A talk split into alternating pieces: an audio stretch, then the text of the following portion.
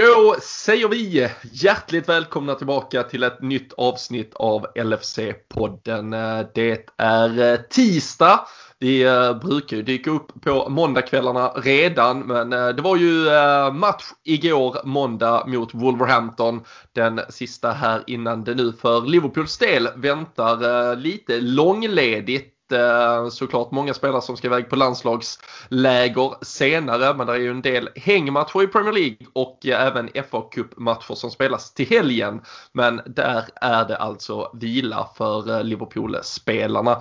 Så vi ska såklart prata väldigt mycket om gårdagens seger mot Wolverhampton. Sen har vi också öppnat frågelådan här. Ni har skickat in under dagen och vi ska såklart besvara en hel del av det och om jag känner mina kära vänner här rätt så lär det väl också bli ett och annat sidospår. Både Daniel Forsell och Fredrik Eidefors på plats dagen här till ära. Så vi har ett fullmatat avsnitt framför oss. Vi gör det i vanlig ordning tillsammans med LFC.se. Det är ju där ni hittar den eh, svenska supporterklubben dag in, dag ut och ehm, jag vet ju att eh, när det blir de här långa landslagsuppehållen, även om det kan kännas skönt nu så här kanske första, andra, tredje dagen så kommer man ju till slut att eh, sakna allting som har med Liverpool att göra. Och eh, då är det ju perfekt att hålla LFC.se i handen så vandrar man igenom de här veckorna tillsammans. Men eh, nu så ska jag vandra vidare här med Fredrik och Daniel. Ni sätter er till rätta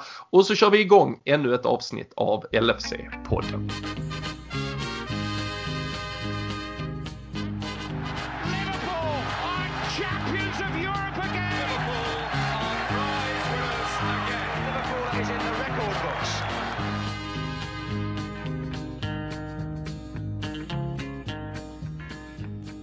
Jajamensan, eh, nu har vi vunnit två matcher i rad och eh, då kan till och med jag tänka mig att komma in och göra er sällskap. Ni medgångare som satt här efter segern mot eh, Leipzig. Men det är ganska trevligt att få sitta här igen efter vinster pojkar, eller vad säger ni? Ja, det är första gången sen, vad är det, slutet på januari där någonting va, som vi vann två raka. Så att det är, det är fasen inte dumt att få, få återvända med en seger igen i bagaget. Det känns kanske lite som att det berodde på vilka som snackade upp senast. Jag vet inte. Det, Klopp, Klopp lyssnade ju på avsnittet och hörde vilka genidrag han skulle ta med sig helt enkelt. Det, det är så Fredrik va? Eh, ja, jag instämmer. Jag, det är precis så jag uppfattar det i alla fall. Så att, eh, sen får någon annan invända. Men jag, Nej, men det tackar han skickar, det tackar han skickar till oss där i våran egna chatt. Det, det, säger ju sitt liksom. Nat Phillips, eh, great choice eh, lads. jag tror du blandar ihop det med den veckaklockan jag gav laget efter förlusten mot Fulham. Uh, som sen då resulterade i uh, framgångarna i Budapest. Men det är helt okej okay, Daniel. Jag vet att du börjar bli gammal så det är inte lätt att hålla koll på allting. Men uh, nej, en andra seger och framförallt en seger då i Premier League igen och det var ju en helg där faktiskt i stort sett alla resultat gick Liverpools väg. och det känns ju Fredrik som att det är alltid tecken nummer ett på att det kommer gå åt helvete igen. När allt går sådär himla trevligt bra. Plötsligt någon liten märklig plump i något protokoll och lag som man annars kamperar med de eh, tappar poäng och mark. Och eh, ja, plötsligt så var Liverpool sist ut och eh, skulle då försöka förvalta det också. Alltså det, jag tycker det har funnits några gånger under säsongen då vi faktiskt har hamnat i en sån sits där lagen runt omkring har kryssat eller, eller till och med förlorat. Och eh, de gångerna har vi kanske inte tagit vara på det, men det var ju helt klart uppenbart att det skulle eh, hända igår. Eh, säger jag med lite sarkastisk ton här, för det var inte alls vad jag kanske trodde så sett. Men i och med att vi har åtta raka Premier League-vinster mot Wolves så får jag väl ändå säga att lite optimistisk var man väl inför den här matchen. Att det skulle gå vägen den här gången. Och det, det gjorde det ju, men eh, jäkligt skönt att man kan sitta här just att starta en ny vecka med, på ett positivt sätt. Vi har ju pratat om hur det är att när Liverpool förlorar 13-30 en lördag så ska man gå en hel helg sen. Och det är, frågan är om det inte är ännu värre att gå en hel vecka och veta att Liverpool förlorar och så är det uppehåll på det. Men eh, nu blev det ju bra till slut så att eh, jag har absolut ingenting att klaga på. Mm. Så eh, du noterade också den här eh, åtta eh, matcher långa vinststreaken eller också obesegrade framförallt mot Wolverhampton där i, ja, i all evighet kändes det som och det, det såg du väl däremot som ett tecken på att det var ännu en, en svit vi skulle se till att förlora den här säsongen.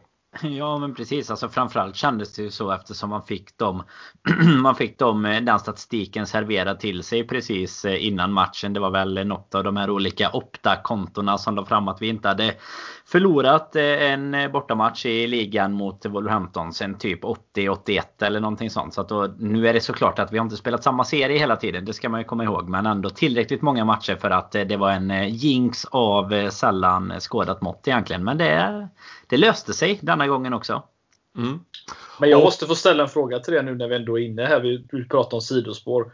Hur, kommer ni ihåg eh, hur var det fantastiska mittlåset såg ut när vi förlorade mot Wolves i Premier League senast? Uh, det var väl uh, typ, mell, typ 29 december. Det var mitt mellan jul och nyår där med Roy Hodgson i alla fall. Framför sig. Nej, nej, det har jag faktiskt inte. Men jag, det var så här att jag var i New York och såg den ah. matchen. Uh, så, jag, så jag vet det. Vi förlorade väl med 1-0 Simon Davis eller något sånt skit vad han nu heter. Uh, någon, Steven något, Ward, men close Steven Ward, Simon, ja precis. Simon Davis, han var nog fan i Bolton, men ja. skitsamma. Uh, nej men jag, så jag minns att uh, liksom det, var, det var ju mitt på dagen då jag, den matchen spelades och vi gick in på någon pub och så var det liksom så här, ska jag lyckas förstöra? Jag tror jag och Alexander hade varit tillsammans typ lite över ett halvår eller något sånt bara liksom. Och så var det New York, vi var där på julshopping och och så valde man att gå in på någon riktigt dålig irländsk pub för att se det här fanskapet till match och eh, så gick det ju som det gick också. Eh, nej, så det var ingen höjdare. Men mm. spelarna som spelade har jag inte eh, lagt på min, men det kan väl ha varit såklart Kyrgiakos säkert kanske då, kanske kan det vara så sjukt att det var typ Danny Wilson eller något sånt som spelade? Nej, inte den här gången. Men eh, Skertel och Kyrgiakos var mittlåset i den matchen. Mm. Och, och det... Glenn Johnson och Konchesky på varsin sida på det. Det är ju ett fint gäng. Det är ett, det är fint, fint gäng. gäng. Det såg ja. lite mer bättre ut fram till där med Gerard och Leiva och Meireles, Köjt, Ngog och Torres. Men eh, mm. annars så var det inte så skämtfullt bak till. för det måste ju vara samma säsong som vi då senare vinner med typ 3 eller 4-0 på Molineux där Meireles gör sitt eh, volleymål. Det är ju faktiskt bara en månad senare ja. Precis. Mm, stämmer. Men när Kenny har kommit in istället. För där är ju, vet jag att Christian Paulsen är framme och firar med Meireles också. Just det. Så äh, Ja, det är verkligen throwback till, till, till härliga spelare. Men eh, nej, det, det blev eh, seger. Ja, det blev sidospår, men ja, eh, det utlovar vi också eh, och eh, det kan behövas eh, för att fylla upp dagens avsnitt. Så det kan bli fler sådana längre fram. Men Klopp valde inget sidospår när han skulle ta ut laget. Danne. Det var samma startelva som mot Leipzig. Eh, det betyder ju Nat Phillips och eh, Ozan Kabak framförallt som eh, mittbackspar igen. Fabinho kvar på mittfältet tillsammans nu då återigen med Thiago Ginovinaldo. Med Roberto Firmino var ju out så han diskvalificerade väl sig själv från att lägga sig i den där fronttrion och den diskussionen. Även Divock Origi out även om han kanske inte hade utmanat om en plats i den. Men startelvan och kommentarer till den eventuellt Nej men det var väl eh, alltså, så pass bra som det ändå gick i Champions League där så det är klart, vi kan alltid vänta oss att någon eh, skada skulle uppstå. Det känns ju som man har, har vant sig vid det den här säsongen. Eller att någon är lite sliten eller sådär. Men, men det kändes väl ganska naturligt att, att spela med det manskap, alltså med den, med den raden av tuffa matcher som vi har haft bakom oss. Så känns det ju naturligt att när man tycker att några lite har hittat in i det så ja, ändra inte på det vinnande konceptet egentligen så länge det inte eh, verkligen krävs. Och, ehm,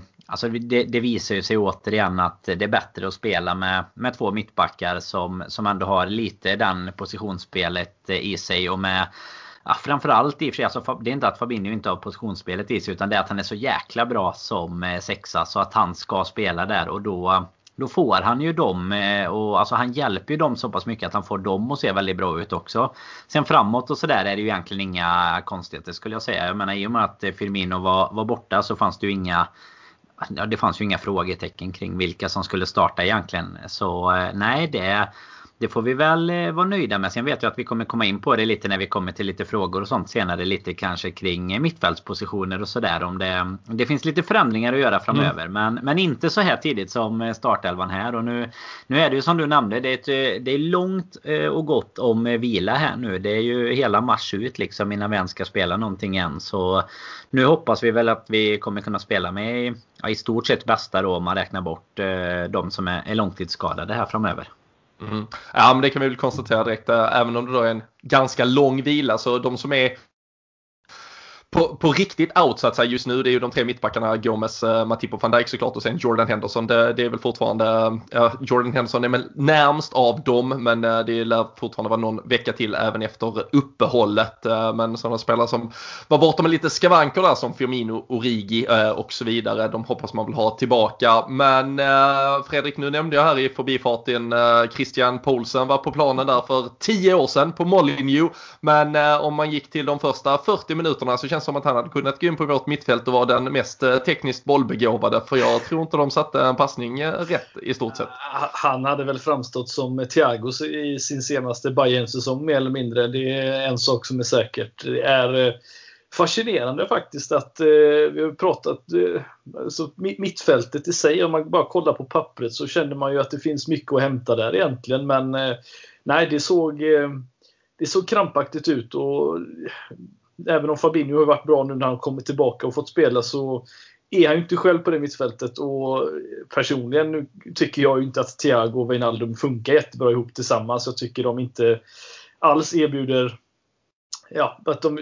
det den ena är bra på är inte den andra mycket bättre på just nu. Utan det känns som att eh, är, ja, det funkar helt enkelt inte. Och jag vet inte om det är en, in med Curtis Jones som har varit lösningen. Men just nu känner jag att det är Thiago har det väldigt svårt att komma in i den röda tröjan. Det är, det är ju inte han, det är ett, ja, ett konstaterande verkligen. Det måste han, säga. Fick ju ingen, han fick ju ingen fortsättning på den här väldigt korta smekmånaden nu liksom efter eh, så här, när, när Fabinho blev uppflyttad på mitten i Champions League och man kände så här, ja men nu får ni se hur bra han är med, med en defensiv mittfältare jämte sig liksom. Den fick man ju inte riktigt eh, något vidare liksom eh, vatten på den kvarnen efter den här matchen för alltså han jag vet inte fasen vad som kan ha hänt med, med killen liksom. Alltså han är ju han är ju på väg eh, och liksom med bara dålig bollbehandling i vissa lägen tappa så att vi liksom får riktigt farliga lägen emot oss och sådär. Och lite så galna tacklingar. Jag fattar inte vad, alltså nu. Eh, ja, jag det, såg alltså... ju honom inte så jävla mycket innan liksom. Så att jag kan inte säga, alltså jag fattar ju, blev han typ Champions Leagues bästa spelare ungefär mm. så fattar jag ju att det finns sparkapital. Men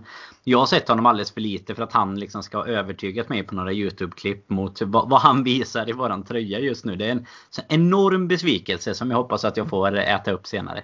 Nej men alltså det är och problemet är ju framförallt för det första som du säger att nu det börjar bli mer och mer om, om inte ett ordinarie liksom, på varenda position vad gäller spelare så ändå ett ordinarie liksom, lag i form av upp, uppställning och hur vi liksom, ändå ska förväntas spela vår fotboll som man har runt sig nu. Och eh, även om man då kan någonstans acceptera någon sista procent och att kanske den där sista passningen inte leder till poäng på grund av att inte allt annat i vårt lag klickar och så vidare. Men, men alltså just nu, alltså framförallt igår, vilket jag tyckte var en, jag tyckte det var en rätt så sjuk match av jävligt många vad gällde just eh, typ passningsspel, alltså kortpassningsspel och liksom bollmottagningar som var på riktigt usel. Jag skrev att första halvtimmen var bland det absolut sämsta jag sett. i liksom tekniskt mm. utförande uh, i en Premier League-match den här säsongen. Och då har man suttit och sett sina West Bromwich Burnley också för att spara, spana in lite fantasyspelare ibland och sådär. Men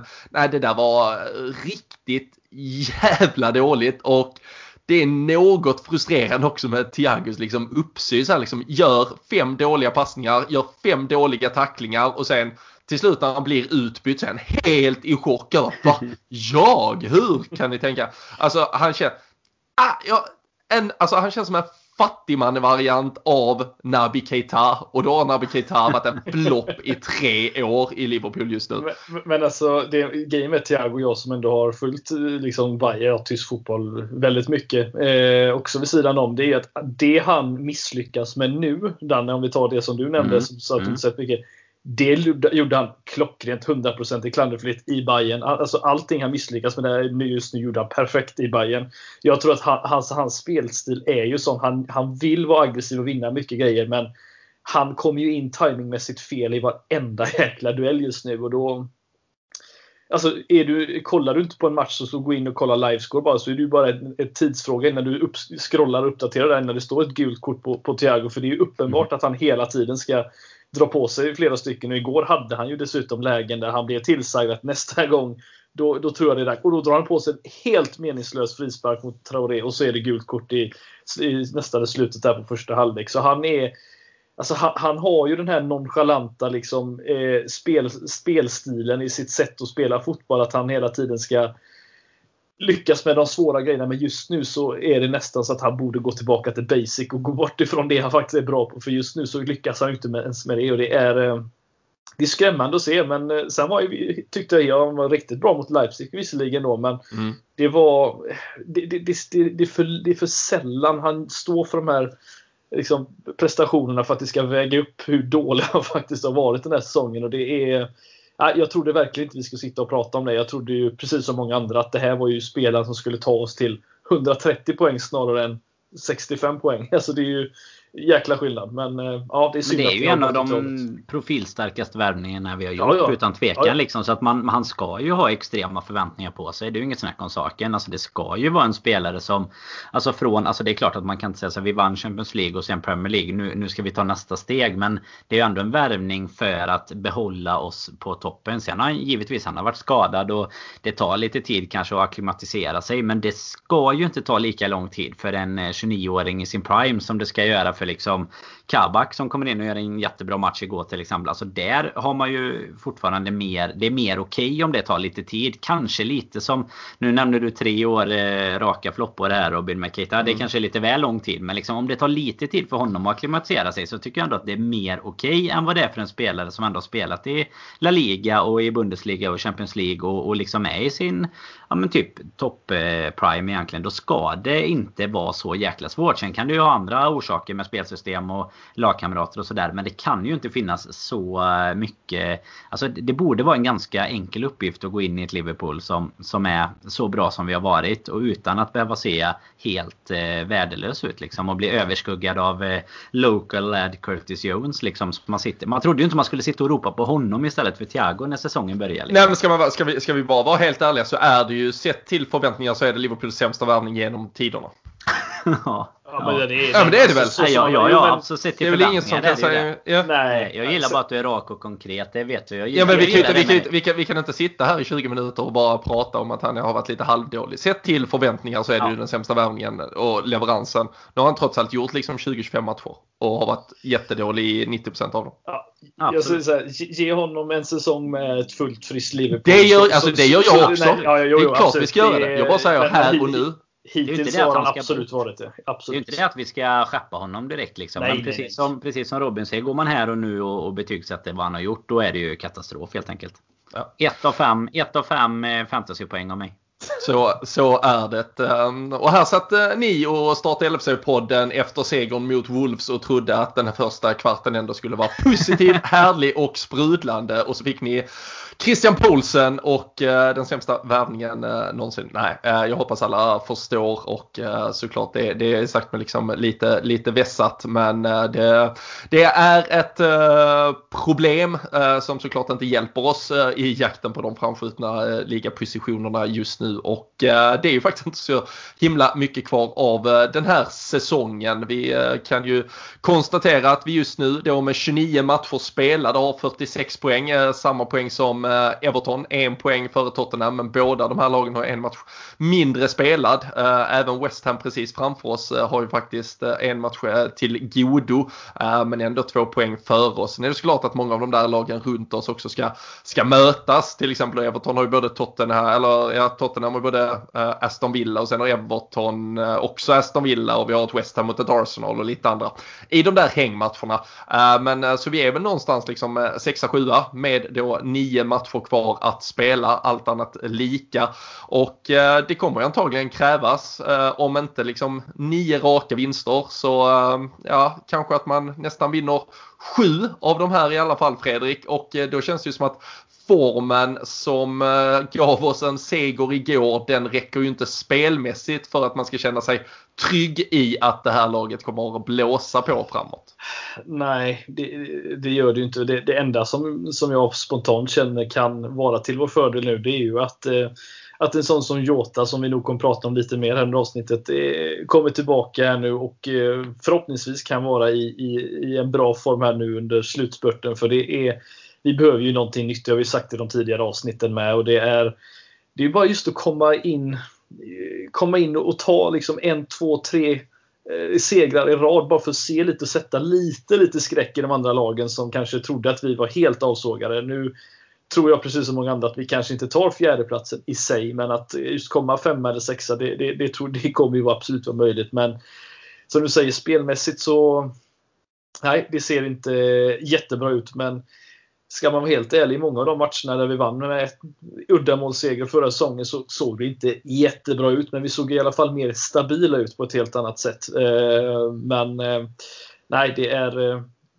det är skrämmande vad snabbt det har gått killar. Det är, det satt inte så länge sedan. Och, alltså det är så sjukt att bara tänka på det och prata om serieledning vid jul och så här sitter vi och bara, ja men vi, vi håller väl tummarna på att Western förlorar snart så vi kan, så vi kan ta och gå om dem. Alltså det är ju Ja, vad har hänt egentligen? Sen ska man inte sticka under stolen med att man gärna ser att det tar, går jävligt snabbt och att säsongen bara tar slut. För att vi vill ju ha tillbaka vår normala fotboll i höst istället. Så som är det ju. Väldigt mycket roligare än men, den vi men, men känner ni spontant att det, alltså nu med så som vi spelar, alltså hur det ser ut, att det finns det någonting som talar för att vi ska liksom bygga på det här vidare? Alltså vi har ju inte haft särskilt många ja, Premier League-segrar i rad den här säsongen, eller på senare tid i alla fall skulle jag säga.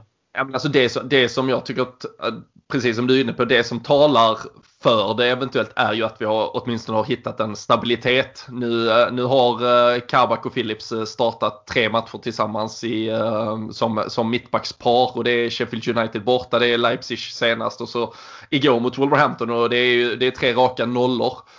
dessutom då drygt, vad blev det, typ 70 minuter i derbyt mot Everton. Det är ju bara en straff de släpper till i slutet där så de har ju nästan fyra raka matcher tillsammans med, med hållen nolla eh, och i två av dem då med Fabinho framför sig. Eh, det, det sätter ju ändå någon form av ja, men grundmurad trygghet. Vi får väl hoppas att liksom Allison har gjort de eh, misstag han förväntas göra de närmsta 4-5 åren. Även om det svajade till lite inledningsvis redan igår också. Eh, Trent och Robertson, det känns som en förlorad säsong för båda de två. Eh, nu känns det ju som att Robertson har gått helt på tomgång istället. Men där vi kanske ändå har någon form av såklart defensiv trygghet i att ändå ha dem där. Och eh, det, det gör ju att vi kan förhoppningsvis hitta någon fler Alltså fler vinster som den igår där kanske inte spelet är så För tittar man, jag kan ju tycka att vissa av de matcherna vi förlorar om vi tittar på en, en Leicester-match till exempel i 60-65 minuter. Så tyckte jag det var bättre än det vi såg igår. Det kändes lite mer liksom energirikt och det var, fanns lite ja, offensiv kreativitet, eh, åtminstone i vissa delar av spelet som inte alls fanns igår. Men, men då hittar vi ändå sättet att vinna istället och eh, just nu är ju det jävligt mycket viktigare. Eh, sen kommer det komma en sommar där vi måste antagligen dels göra förändringar både på spelarmaterialet vi har och eh, kanske att eh, Klopp måste återupptäcka sig själv lite och, och hitta något eh, nytt både i, i sättet man spelar och i hur man liksom tar ut eh, energin eh, över en, en, match också. Så eh, det, nu handlar det ju bara om att, att grinda fram de här poängen och, eh, och det känns ändå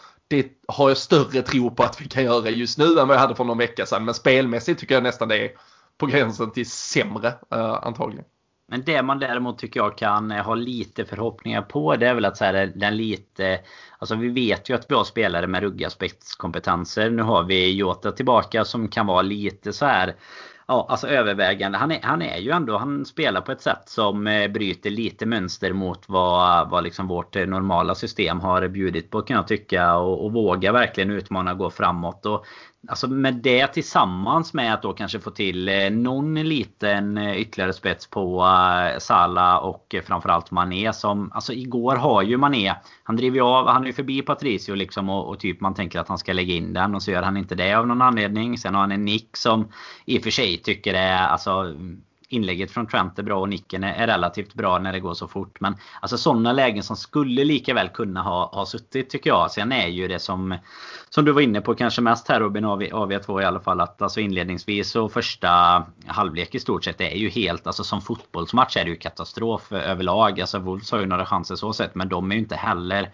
Alltså det är ju bara en jäkligt eh, tråkig match liksom. Men jag tror att några segrar och lite sådär att det sätter sig med vilka spelare som faktiskt eh, ska spela. Man kan ju hoppas att en Thiago Vinaldum kanske höjer sig ytterligare något snäpp också. Om det nu är så att vi hittar mer och mer än 11 som vi inte hela tiden behöver rotera egentligen. Då, då tror väl jag ändå, om man ska svara på din fråga där Fredrik, att vi ändå kan... Eh, vi, vi kommer i alla fall ta fler poäng än vad vi har gjort om man kollar liksom de senaste ja, men två, tre månaderna. Om man tittar på de två, tre månaderna som är kvar tror jag. Och då har vi ändå såklart en del tuffa matcher kvar. Det är någon United borta och sådär. Men sen har vi ju också ganska många av de lagen som vi ju konstigt nog har förlorat mot på hemmaplan och varit dåliga mot. Typ Burnley och West Brom och sådana. Det, de ska vi ju kunna slå borta sen. Så att eh, förhoppningen är väl ändå... Ah, jag, jag, jag, tror att det kommer kunna se bättre ut. Sen är det ju, mycket kommer nog bero på hur vi gör, eh, alltså hur bra det går i Champions League med. För skulle vi åka ur där av någon anledning liksom, då, då kan det ju vara att bara proppen på hela säsongen bara pyser ut liksom och vi... Ja, det, det går värdelöst resten av säsongen i stort sett. Vi bara laddar om för, för nästa. Men eh, mm. nej, det finns lite nytt hopp eh, efter två raka här känner jag. Men jag måste bara säga att ett problem som, som jag tror vi måste nämna också varför vi just nu är viktigt att gå framåt. Det är ju, vi pratar om hur dålig första halvleken var och det är egentligen bara att kolla statistiskt hur det har sett, upp för oss, sett ut för oss i första halvlek de senaste, vad är det, 12 mellan 12 till 13 senaste matcherna. Vi har alltså två mål gjorda på, i första halvlek och det är sista sparken typ mot Tottenham och sen är det, eller i första halvlek och sen är det igår då Jota, alltså 45 plus 2. Det är ruggigt illa att, inte, att ha gjort två mål i första halvlek under de här ja, plus 10 plus matcherna. Det är helt galet hur dåligt det ändå har gått under första och det blir ju att vi hela tiden måste Alltså, du, du, du ligger ju hela tiden i bakhuvudet att herregud, tänk om vi inte gör ett mål nu. Tänk om vi inte gör ett mål. Alltså, det är ju helt galet vad det måste göra för spelarna här nu som redan är inne i en mental jobbig situation hela tiden. Och, och framförallt så får vi ju ett motståndarlag som blir supertrygga i sitt ja. försvarsspel under de 45 minuterna. Och framförallt när de går in i paus så vet de att, alltså har de inte till och med själv dessutom lyckats göra 1-0 kanske, så vet de att de i alla fall bara har Alltså nu är det bara 45 minuter kvar att göra exakt samma sak. Så, så har vi ju minst en poäng här och många av dem vi till slut har förlorat mot är ändå lag som hade varit på förhand supernöjda med en poäng. Så de har haft en gameplan för en poäng och sen har de lyckats få ännu mer på grund av att vi inte har uh, utnyttjat eller ens, ens skapat eller kommit till chanser för att uh, kunna vinna våra uh, matcher. Så nej, det, det är ett problem och det var ju nästan det, såklart det var ju jättetragiskt och ja, nu har väl allt av de rapporter att döma gått bra med Rui Patricio. Eh, annars var det ju såklart eh, superhemska eh, bilder som visserligen inte direkt kablades ut men eh, om eh, allt man förstod och eh, det som skedde kring eh, Salas bortdömda 2-0 mål där. Men eh, att matchen eh, höll på att bli då typ eh, 115 minuter lång kändes ju nästan periodiskt när det var kanske bland det värsta man eh, behövt sitta igenom en måndagkväll sett till kvalitet. Men eh, så var det, så blev det. Eh, det blev seger 1-0. Eh, du nämnde Diogo Jota och hans X-factor. Det är femte gången redan den här säsongen som han då ja, gör det avgörande målet. Antingen att han till exempel då gör ett 1-0 mål som blir avgörande eller att han gör ett 2-1 som han gjorde vid två tillfällen tror jag. Både Sheffield United och West Ham i, i höstas och även annars då om det blir mer än ett mål så att säga. Så blir det en 3-0 vinst så räknar man att 1-0 målet är game winning. Du som har lite koll på NHL vet väl om det är även så man kan räkna där. Men Helt fem rätt. stycken game winning goals redan från Diogo Jota. Det, det talar ju lite om det du är inne på. Uh, att han har en, uh, ja, men en X-faktor som uh, behövs. Mm. Ja, men det, alltså, han, han, har ju faktiskt någonting som, eh, som kanske inte de andra två visar just nu. Det är att han är väldigt effektiv i sitt sätt att, att eh, just göra mål och avsluta. Man, eh, det finns ju mycket statistik som visar just var han gör sina mål och det är ju en det är ju, det är ju en straffområdesspelare som, som, som han är och han gör det fantastiskt väl. Nu hade vi väl visserligen lite tur med avslutet igår så sett, men jag tycker ändå man kanske ska stanna lite och berömma hur fronttrion just hur de såg ut vid det målet. För det är en grej som jag tycker vi har saknat väldigt mycket med Firmino. Det var ju att efter den här, det var väl Filip som nickade fram den bollen tror jag till, eh, till mm. Jota och sen var det väl till Mané och sen Salah, Mané och så Jota igen. Det är ju hur snabbt det anfallet gick. Alltså vi pratade ändå att det tog ju inte alls många sekunder innan den bollen låg i nät. Och det, det är just att han är, så, han är så rakt fram hela tiden. Jag älskar verkligen det med Jota, att han hela tiden vill in framför, in, in framför sin gubbe och hela tiden gå, gå rakt mot mål. Det var ju det vi har suttit och hyllat Luis Suarez i flera säsonger om att han var så jäkla effektiv på att bara gå framåt hela tiden. Vi ska inte sidled någonstans här utan nu vill vi mot mål och det gör han fantastiskt bra. Jag tycker att det målet faktiskt är det är ett rätt underskattat mål mätt, alltså efter hur det har sett ut för oss de senaste tiden. Att det går så snabbt framåt. Och det är, vill, eh, vill, vill du, veta, var, vill du veta var, varför det gick så snabbt Fredrik?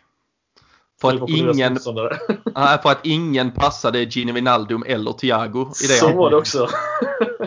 ja, det är en annan femma, ett annat sätt att se på det. Men, eh, Skit i att spela upp bollen på vårt mittfält just nu. Ja, vi, vi, låt Philips nicka den från straffområdet mm. till andra sidan så går det bättre till tror du. Exakt. Yeah. Um, äh, vi ska såklart prata om uh, både Nat Philip och, uh, sen uh, Kabak också. Detta uh, ja, på något sätt surrealistiska uh, mittlås. Uh, och uh, Danny, jag vet ju du sitter och kollar de engelska sändningarna. Du kör du är Merda via Play och allt som har med det att göra. Och Särskilt du, nu. Du fick höra allt om Young Nat Phillips eh, som eh, ledde försvaret eh, bredvid de tre och två år yngre backarna Trent och, sen Kabak bredvid sig.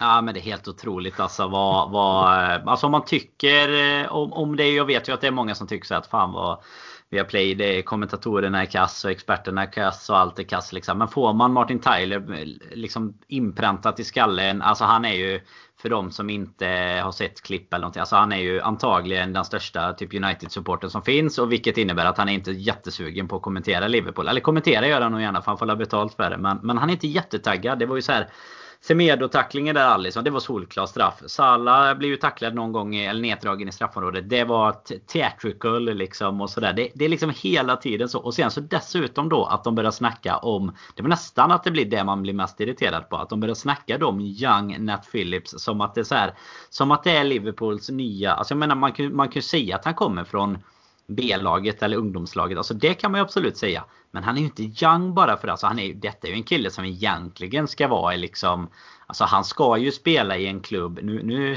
startar han ju i och för sig för oss. Men alltså han ska ändå i sin ålder spela i en klubb där han typ spelar ordinarie med den åldern han har. Liksom. Då är ju som du är inne på där Kabak som eh, spelar bredvid. Alltså är ju mycket yngre liksom. Och där snackas det inte om någon, någon young. Utan där är det så här. Nej han har inte visat tillräckligt i Liverpool-tröjan. Efter typ ja, ett, eh, en handfull matcher liksom. Så räknar de bort honom bara för att han har lite, eh, lite erfarenhet från någon eh, Bundesliga och lite Champions League sådär. Så att nej det är eh, otroligt kan man tycka ibland att de inte har bättre koll på, uh, på det. Men det var ju samma när vi hade Brendan Rodgers. Han snackade om Jean Colo Touré och alltihopa. Det var ju liksom, de kanske har snackat för mycket. De, de har kollat för mycket på intervjuer med, med honom känns det som. Det, ja. eh, men en, ett lite, vi, vi har ju ändå lite sidospårspodd här idag. Jag tänkte jag fick faktiskt med mig en ganska rolig grej på tal om det du sa Fredrik. Att vi inte gör så mycket mål i första halvlek och så.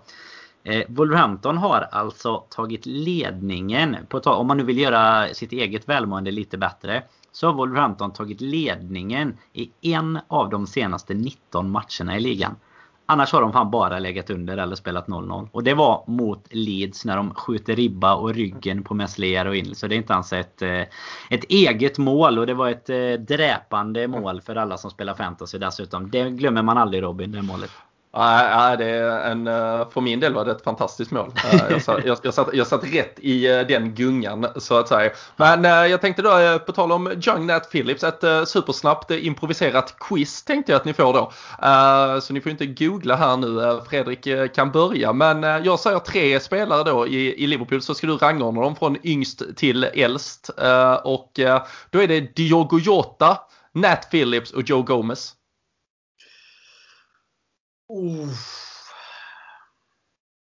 Eh, då säger jag att eh, Jota är, eh, nu ska vi se här. Nu ska det gå snabbt här. Ja, Gomes yngst, Jota näst yngst, Philips äldst. Mm. Danne, säger du emot? Eller nej, lite? nej, jag skulle säga precis samma. Nej. Fast jag vet fan inte, är inte Gomes och Jota typ... eh, De är, jag tror att... Nej, jag skulle... Jag, vi, vi jag skulle sagt samma. Jag skulle sagt samma i alla fall. Ja. Uh, Jota är faktiskt två månader äldre än uh, Nat Phillips. Uh, Aj, är men så? sen, är det, sen, sen är det Nat Phillips och sen är det Joe Gomez. Men uh, ja, de är, de är alltså nästan lika gamla. Var Joe Gomez var han fem säsonger i A-laget nu. Uh, Nat Phillips är up and coming. Men vi har fått jättemycket frågor om mittbackarna så jag tänker att vi kan, vi kan spara dem och vi kan gå lite djupare in på det sen. Men uh, något jag hade bara velat prata lite om och Fredrik, där kan väl du ta vid. Det, det är ju eh, Sadio Mané eh, och det är väl den ständiga diskussionen alltid kring eh, Sadio Mané kontra Mo Salah. Är det plats för båda? Kommer båda stanna för evigt? Salah såklart med sina 17 mål, skytteligaledning men samtidigt eh, typ 10 av 13 senaste matcherna så har han inte gjort eh, en poäng överhuvudtaget. Eh, Mané har ju samtidigt typ inte gjort poäng på hela säsongen, visserligen en assist igår. Um, vad, vad, vad, vad säger vi om våra två guldklimpar och deras eh, nuvarande form. Eh, båda två verkar ju trivas i Champions League fortfarande men i Premier League så eh, ser det ju illa ut.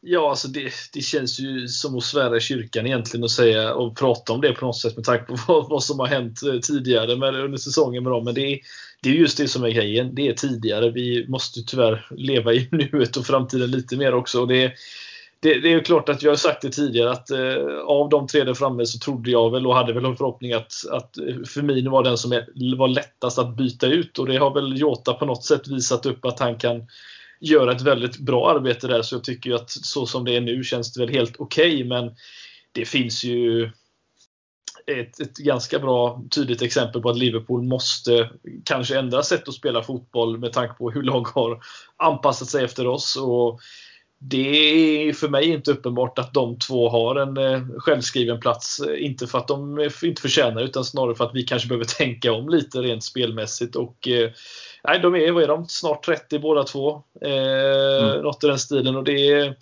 och vi har sagt tidigare att det finns knappt en fronttrio av de bästa fronttriorna i världshistorien som har hållit i mer än tre säsonger. Nu är de inne på sin, vad är det, fjärde. Eh, och det, man ser nu att det har börjat eh, Helt enkelt, även om Salah gör sina mål så har ju faktiskt en hel del, hur många har varit på straff den här säsongen? Eh, Sex. även, ja. Så nej, det, det, det är ju absolut en liten trend neråt, det får vi ju säga. Men eh, jag vet inte tusan om Liverpool har råd att, att göra av sig av med båda dem samtidigt. Jag tror det får bli successivt man ändrar om det. Men eh, jag vet alltså det måste ju vara i form, i form av att de hämtar in en storstjärna som vi har pratat om tidigare. Att man vill ha in en Haaland eller något i den stilen. Det är typ det enda jag kan tänka mig som Liverpool skulle göra sig av med någon av dem. Men annars så vette tusan om de har möjligheten att hitta någon bättre kanske egentligen just nu. Nej. Den hade du eh, sålt en av dem i sommar eh, baserat på senaste tidens form. Det är lite som ni sa innan, det är ju som att svära i kyrkan liksom. Men det är ju, alltså, det är ju enklare att göra det efter den här säsongen. Så är det ju helt klart. Vi pratade om det någon, någon annan eh, podd här i, ibland våran förluststreak. Det var nog vi efter Fulham där när, när livet var som allra mörkast liksom. Och prata om att det är klart att det är enklare att starta ett, eh, en ombyggnad av ett lag när, eh, när det har sett lite mer knackigt ut. Och svårare att motivera även om det hade gett bättre betalt kanske att sälja dem när de var på i sin absoluta prime på toppen. Och det är klart att det blir irriterat och så vidare. Men eh, nej, jag hade väl kunnat eh, kunna tänka mig det egentligen beroende på vad man får in. Men eh, ja, det kan ju se bättre ut än vad det gör nu. Och lite som Mm. du säger, jag vet egentligen inte vem av dem. För Salah, visst han har sina 17 mål, en del straffar och sådär. Men det, det står ju still liksom lika mycket nu. Sen kan man, det går inte att ta något ifrån det heller. Och man är, ser ju mycket sämre ut poängmässigt. Men ja, det... Men man Det är finns ju i alla väl fall anledning. inblandad i grejer. Salah, alltså han, Mm. ju, kn- han är ju knappt inblandad i någonting längre. Han gör ju sina straffmål och dyker upp lite här och var. Men han är ju han är ju inte ens i närheten av vad han har varit tidigare i form av liksom att han har varit inblandad mycket i spelet. Det har ju varit en helt annan spelare. Eh, eller han har i alla fall fått spela helt annorlunda. Så jag vet inte tusan vem jag hade Ja men det är också, han är ju också alltså. påverkad av att Trent har ju en helt fullständigt katastrofal säsong. Jo, det är klart. Men, Men, eh, jag, jag hade behållit Mohamed Salah, jag hade sålt Sadio Mané. Jag tänker att jag också hade, jag, jag tycker nu det är läge att sälja Sadio Mané i sommar. Det har ju lite att göra med också att det blir svårt, alltså som ni nämner åldern på dem också. Alltså dels om du ska få ut en extremt bra peng för dem så är det ju nu lite sådär för går det ytterligare någon säsong och det inte ser så bra ut och så jag menar Mané som har alltså explosiviteten och hela den biten som sin eh, oerhörda USP liksom. Man ser ju igår när han drar 3-4 gånger att han att han verkligen sticker på kanten. Där alltså tappar du den om man säger så och det, det gör ju många alltså några ja, 30, 30 plus liksom. Det är bara att titta på dig Robin. Du har ju inte alls det steget som du hade för... Som jag hade. när det var Premier League-klass liksom. Nej, och, då, och då, då är det ju faktiskt så att någonstans, alltså det är ju det här att casha in kontra, för jag menar det är klart att det finns prospects som man skulle kunna få in eh, för billigare pengar än vad vi kan få för Mané och samtidigt som säkert kan göra minst lika bra jobb eh, framöver sen. Det skulle jag tro. Alltså det enda, för det första så tror jag nog att man får mer för Mané än Salah eh, just nu. Jag tror att Mané hålls högre av rätt många klubbar där ute. Eh, fast att jag tycker de är, alltså för min del är det lite 50-50. Men, men det är ändå något med liksom Mohamed Salahs målskytte till syvende och sist som eh, gör att jag håller honom högre. Ehm, sen är väl problemet att jag inte riktigt kan se hur några klubbar riktigt ska få ihop eh, det ekonomiskt. Skulle kunna vara till exempel ett Juventus om de eh, släpper eh, Ronaldo på något sätt. Vill ha en Sadio Mané. PSG, Sadio Mané kan jag också tänka mig skulle kunna vara alternativ. Ja, och det hade ju varit något eh, jättedrömmigt. Men, eh, men snarare kanske att det snurrar på något annat sätt. För annars ser jag inte riktigt någon klubb som skulle eh, ha pengar, möjlighet och intresse.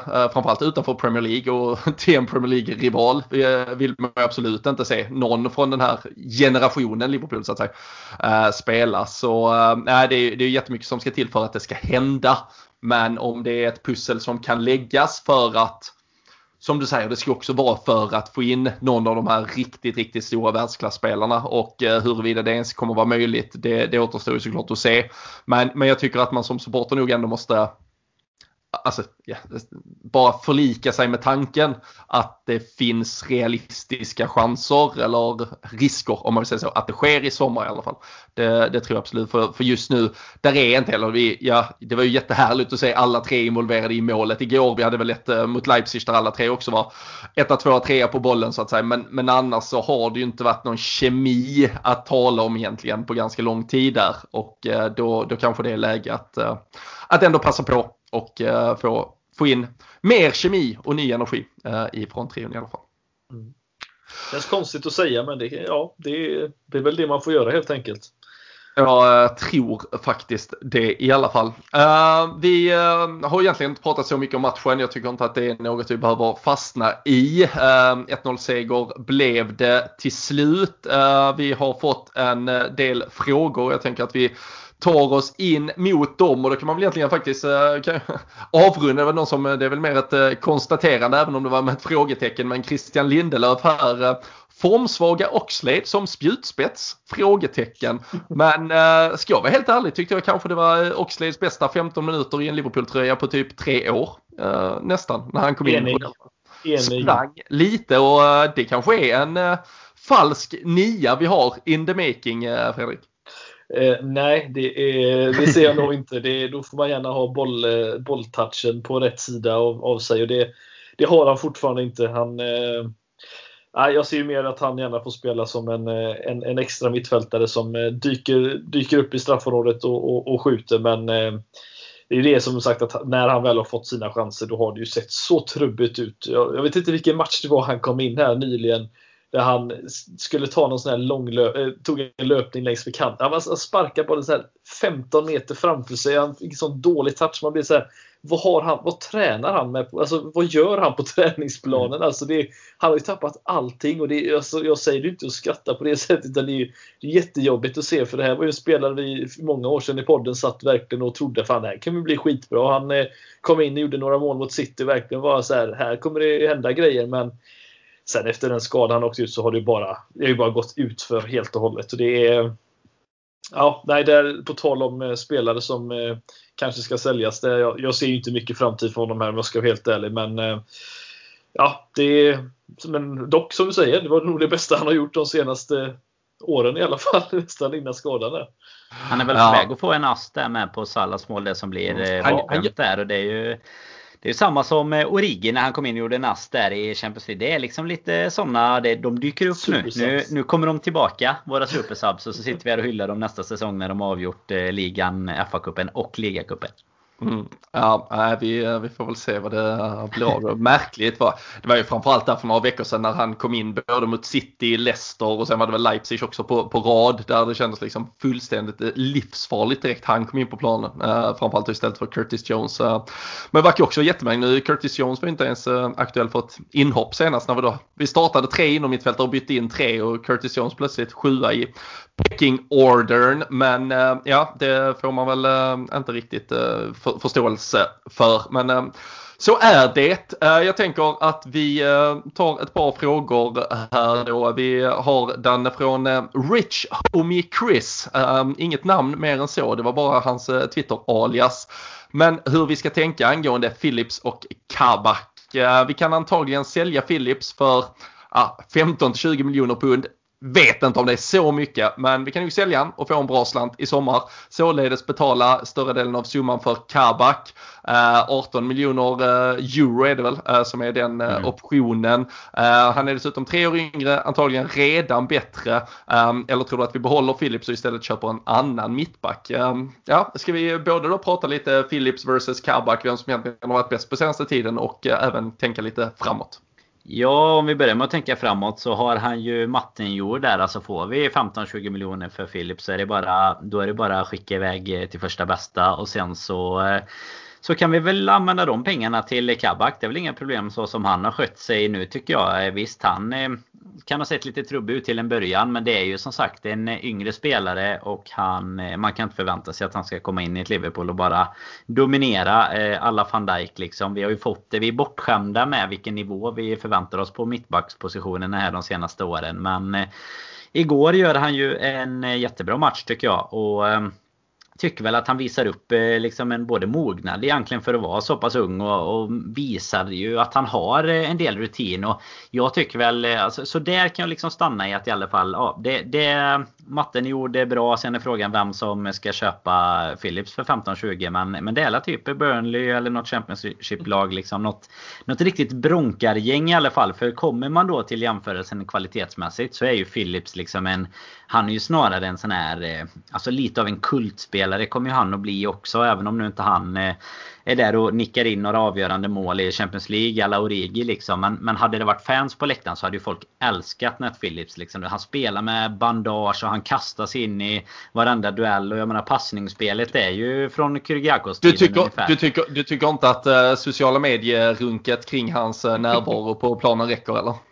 Nej, alltså inte, inte med... Hade det, varit, bra, hade, det varit än, hade det varit ännu värre om du hade haft publik på plats menar du alltså? Ja, ja absolut. Det är ju exakt det de hade. Det är exakt de som... Eller då kanske med sociala medier hade varit lite Då hade vi sluppit det där. Ja. ja. men precis. Nej men jag tycker väl så här. För de som hyllar honom för att han är en magnifik fotbollsspelare. Om nu någon har gjort det också. Det är ju fel liksom. Utan det är snarare det du säger. Alltså hyllningskören för vad han gör på planen. Det är ju snarare det som kommer göra honom till att man kommer minnas honom som den som kom in och, och spelade med hjärtat utanpå tröjan. Liksom. För det är ju det han gör snarare än att visa upp någon enorm kvalitet. Även om han gör det bra. Men det är också bara för att han nu inte är en enda spelare i laget som han behöver jämföra sig med vad gäller dueller. Utan han kastar ju sig in i alla dueller och, och tar dem gärna. Liksom. Och det, det är väl snarare den biten man kommer minnas. Eh, än att det var, blev en eh, exceptionell fotbollsspelare helt plötsligt som vi nyss försökte försökte liksom kasta bort till, till Pirajorna ungefär. Alltså det var ju ingen som ens ville ha honom och nu kan vi i alla fall få pengar för, för honom. Så det är ju en, alltså, det är en bra grej, affär. Ja, alltså grejen är det är ju en supercool story och det är superhäftigt och jag fattar eh, och jag kan nästan tycka det är bra någonstans att han får massa strålkastarljus för det, det gör att Ozan Karbak inte får det på, på gott och ont. Och, mm. men, men jag tycker det är jag tycker det är något så jävla vidrigt igen, men jag hatar ju redan de engelska journalisterna så fruktansvärt mycket. Liksom. Det var, så här, efter en match mot Leicester så var liksom Ozan Karbak, han skulle egentligen bara han skulle kunna ju brännas på bål i stort sett mm. men för att Nat Phillips nickar bort fyra bollar så skrivs det liksom 70 000 tecken i The Athletic om The Bolton Baresi eller vad fan de kallar honom jag känner bara att de kan dra åt helvete allihopa. Men eh, det är ju superhäftigt eh, det han gör eh, såklart. Men eh, jag tycker ju Ozan Kabak är bäst på plan igår och jag tycker att Ozan Kabak har varit riktigt bra eh, de senaste veckorna. Och där pratar vi verkligen ung spelare som kommer in från ingenstans som har varit eh, nere på den djupaste jävla botten med Schalke och så ska han gå rakt in i det som liksom på pappret ska vara världens bästa lag och rädda dem i en kris de är försatta i på grund av att världens bästa mittback är borta och eh, han kommer in och och faktiskt gör det så här bra som eh, han gör det nu. Det är med dessutom ett, ett sätt att spela fotboll som är ett hållbart sätt att spela fotboll eh, som kan ge honom en riktigt fin karriär framåt. Nat Phillips kommer ju som bäst att spela eh, som sista utpost i ett bortnickande Burnley eh, när väl karriären summeras. Men Ozan Kabak där tycker jag det döljer sig en riktigt jävla bra fotbollsspelare eh, i honom. Och flera gånger igår, både när Nat Phillips, det var väl Thiago vid något tillfälle som slarvar bort det rejält och, och han måste eh, rädda till det eller rätta upp det. Så eh, ja, jag tycker väl, eh, om vi bara ska supersnabbt svara på frågan, så är det väl taget som sagt eh, det förslaget. Och eh, det är ju många frågor just om det där med Nat Phillips och eh, Ozan Kabak och hur man ska tänka eh, framöver. Jag tycker väl att eh, fler och fler ändå börjar se Ozan Kabak som ett alternativ. Eh, men Fredrik, vi har också fått den frågan. Eh, han kanske inte är redo att ändå vara liksom van Dijks parhäst redan eh, nästa säsong. Men van Dijk, Joe Gomez, Ozan Kabak och sen en till eh, kanske. Där man då skeppar ut eh, Matip för att byta upp sig. Så ser det väl helt okej okay ut på backbesättningen. Jag skulle faktiskt precis säga det och fråga lite vad ni, vad ni tror är tanken. För alltså, så som det ser ut nu så tror jag inte Liverpool tvekar att betala den köpdelen och, och, och få in en Kabak och få en ung spelare som jag kan bygga mycket på. Nu är ju visserligen Joe Gomez också eh, väldigt ung så sett, men Alltså de tre, då är frågan vad köper man in för kvalitet i, i så fall om man nu skulle hämta in en spelare? För jag tror ju också som sagt att Philips han väl inte stanna efter säsongen.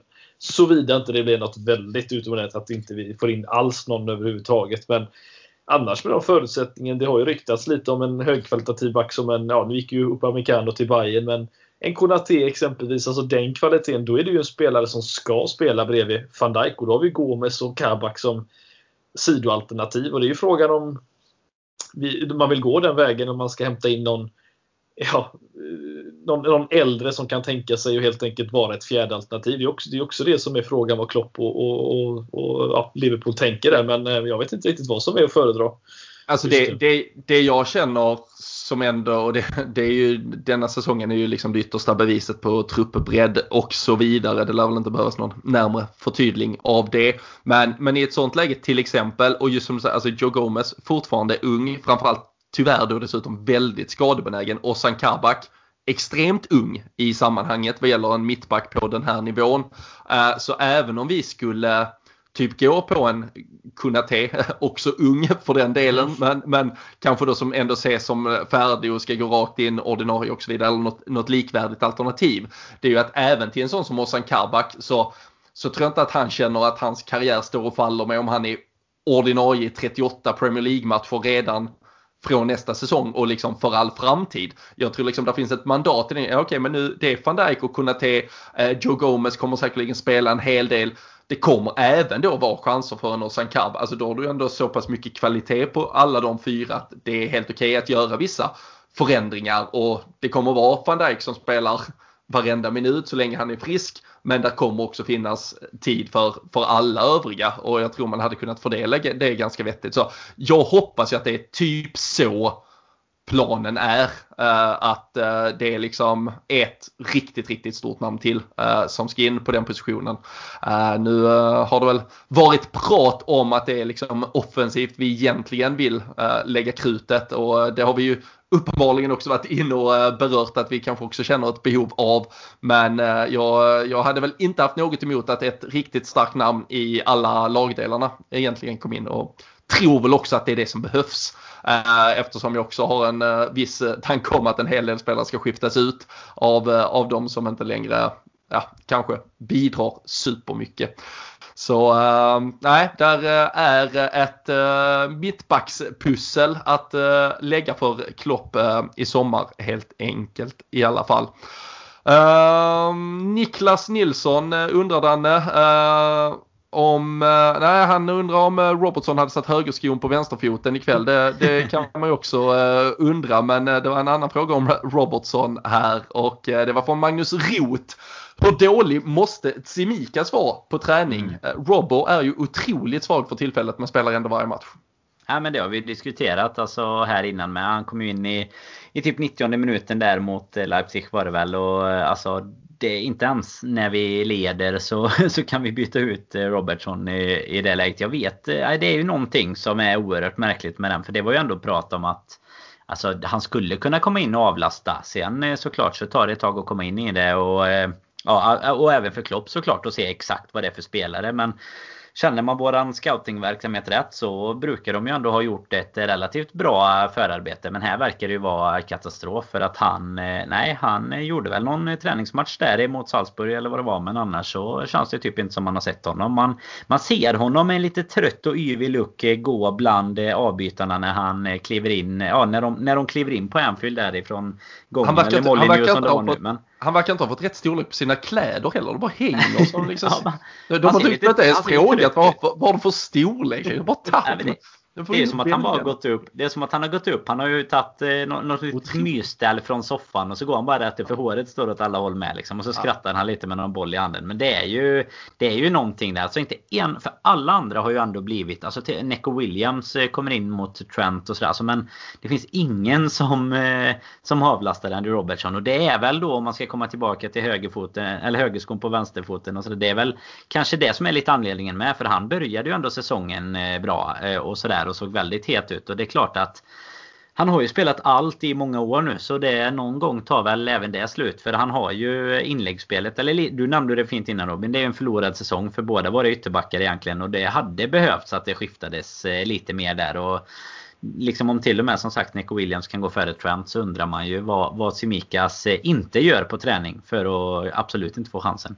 Jag vet inte om ni har något bättre svar. Alltså, vad, vad kan han göra? Klopp, jag tror inte Klopp egentligen litar på Simikas att gå in och alltså, framförallt med den säsongen vi är i nu. Alltså, Klopp, jag tror inte Klopp vågar göra vad som helst och byta ut vem som helst. Även om Robertson inte ser 100% ut så är det fortfarande Robertson som, som jag tror han litar på till 100% och jag, ja, jag vet inte, Semikas kan inte vara så dålig. Alltså, vi har visserligen sett en Minamino som skeppades iväg under, på lån och man funderar på liksom, han kan inte heller vara sådär jättedålig men uppenbarligen så finns det ju någonting där bland de här spelarna som Klopp inte antingen gillar eller som de inte bidrar med. Men eh, det är ju två stycken på ganska kort tid nu som har, man trodde skulle få lite speltid som knappt får spela överhuvudtaget egentligen. Det är, också, det, ja, det är fascinerande faktiskt. Mm. Och du kan nog addera Ben Davis till det oh. gänget också. Så uh, vi kan väl säga scoutingverksamheten har ju inte varit uh, klockren. Eh, Minamino, Ben Davis, Simikas eh, med typ en halv match eh, tillsammans under bältet. Thiago labeled den sämsta värvningen vi någonsin har gjort. Och så. Men Diogo Jota som uppväger allt då. Ehm, helt enkelt. Men ja, två plus till Michael Edwards senaste året. får vi väl tyvärr ge honom. Ja. Löser han 20 miljoner för Nat så är, det, så är han uppe igen. Det är där hans kvalitet. Det känns som att det är där hans kvaliteter också. Eller det är klart ja, det har varit, varit, på värvningarna också. Men det är ju på utfronten som han har varit sådär extremt. Man undrar vad fan han lyckas med liksom när han drar in 8 miljoner pund på någon gubbe man aldrig hört talas om. Och 20 miljoner på våra bänkna. Alltså det är ju där han framförallt har visat sina, sina framfötter. Men då kanske han kan skeppa dem med lite vinst helt enkelt då. Så har han gjort någonting rätt där.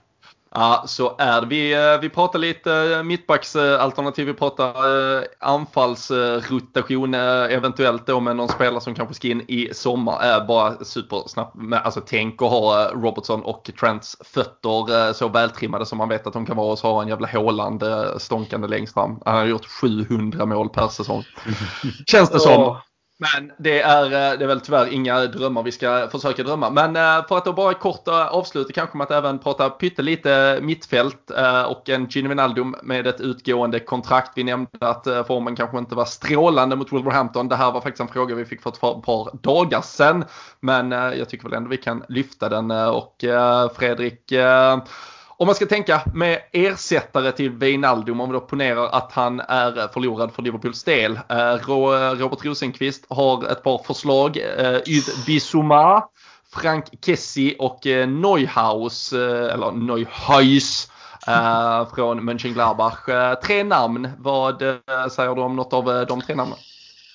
Alltså, Bizuma känns ju som en sån där värvning som, eh, som ja, nu vet man inte vad, vad, vad de hade krävt från dem, eh, Brighton, men det är spelare som, som ja, de sitter ju rätt mycket egenskaper på samma sätt. Där egentligen bara att Besumma är en betydligt mer bättre vältransporterande, eller bolltransporterande spelare skulle jag säga. Men det är ju inte alls samma typ av spelartyp. Så jag, jag ser ju fortfarande Besumma som en sittande mittfältare på ett annat sätt. Jag hoppas ju att vi bygger kring en Fabinho fortfarande som är sittande med två spelare vid sidan om som vill gå framåt. Och då ser jag ju absolut inte Kessie som den, utan då är det väl i så fall Bizuma eller eh, Neuhaus som, som du nämnde där. Eh, som sagt, det var ett länge sedan man satt och pratade silly på något sätt. Jag har inte scoutat mig så väl som jag har gjort tidigare men eh, Neuhaus har man ju sett några gånger i Champions League och i tysk fotboll och det är eh, Klopp säger väl inte nej till en hårt arbetande tysk va? Nej, det har gått superbra när man har hämtat eh, mittfältare från Bundesliga. Både Naby Keita och Thiago är ju lysande exempel på det. Nej, vad taskig jag är. Ja, för fan. Nej, vi får se. Neuhaus, eh, han, eh, han kan göra 3-0 på City här om en halvtimme när vi har spelat in eh, detta. Så, så är han varmt välkommen.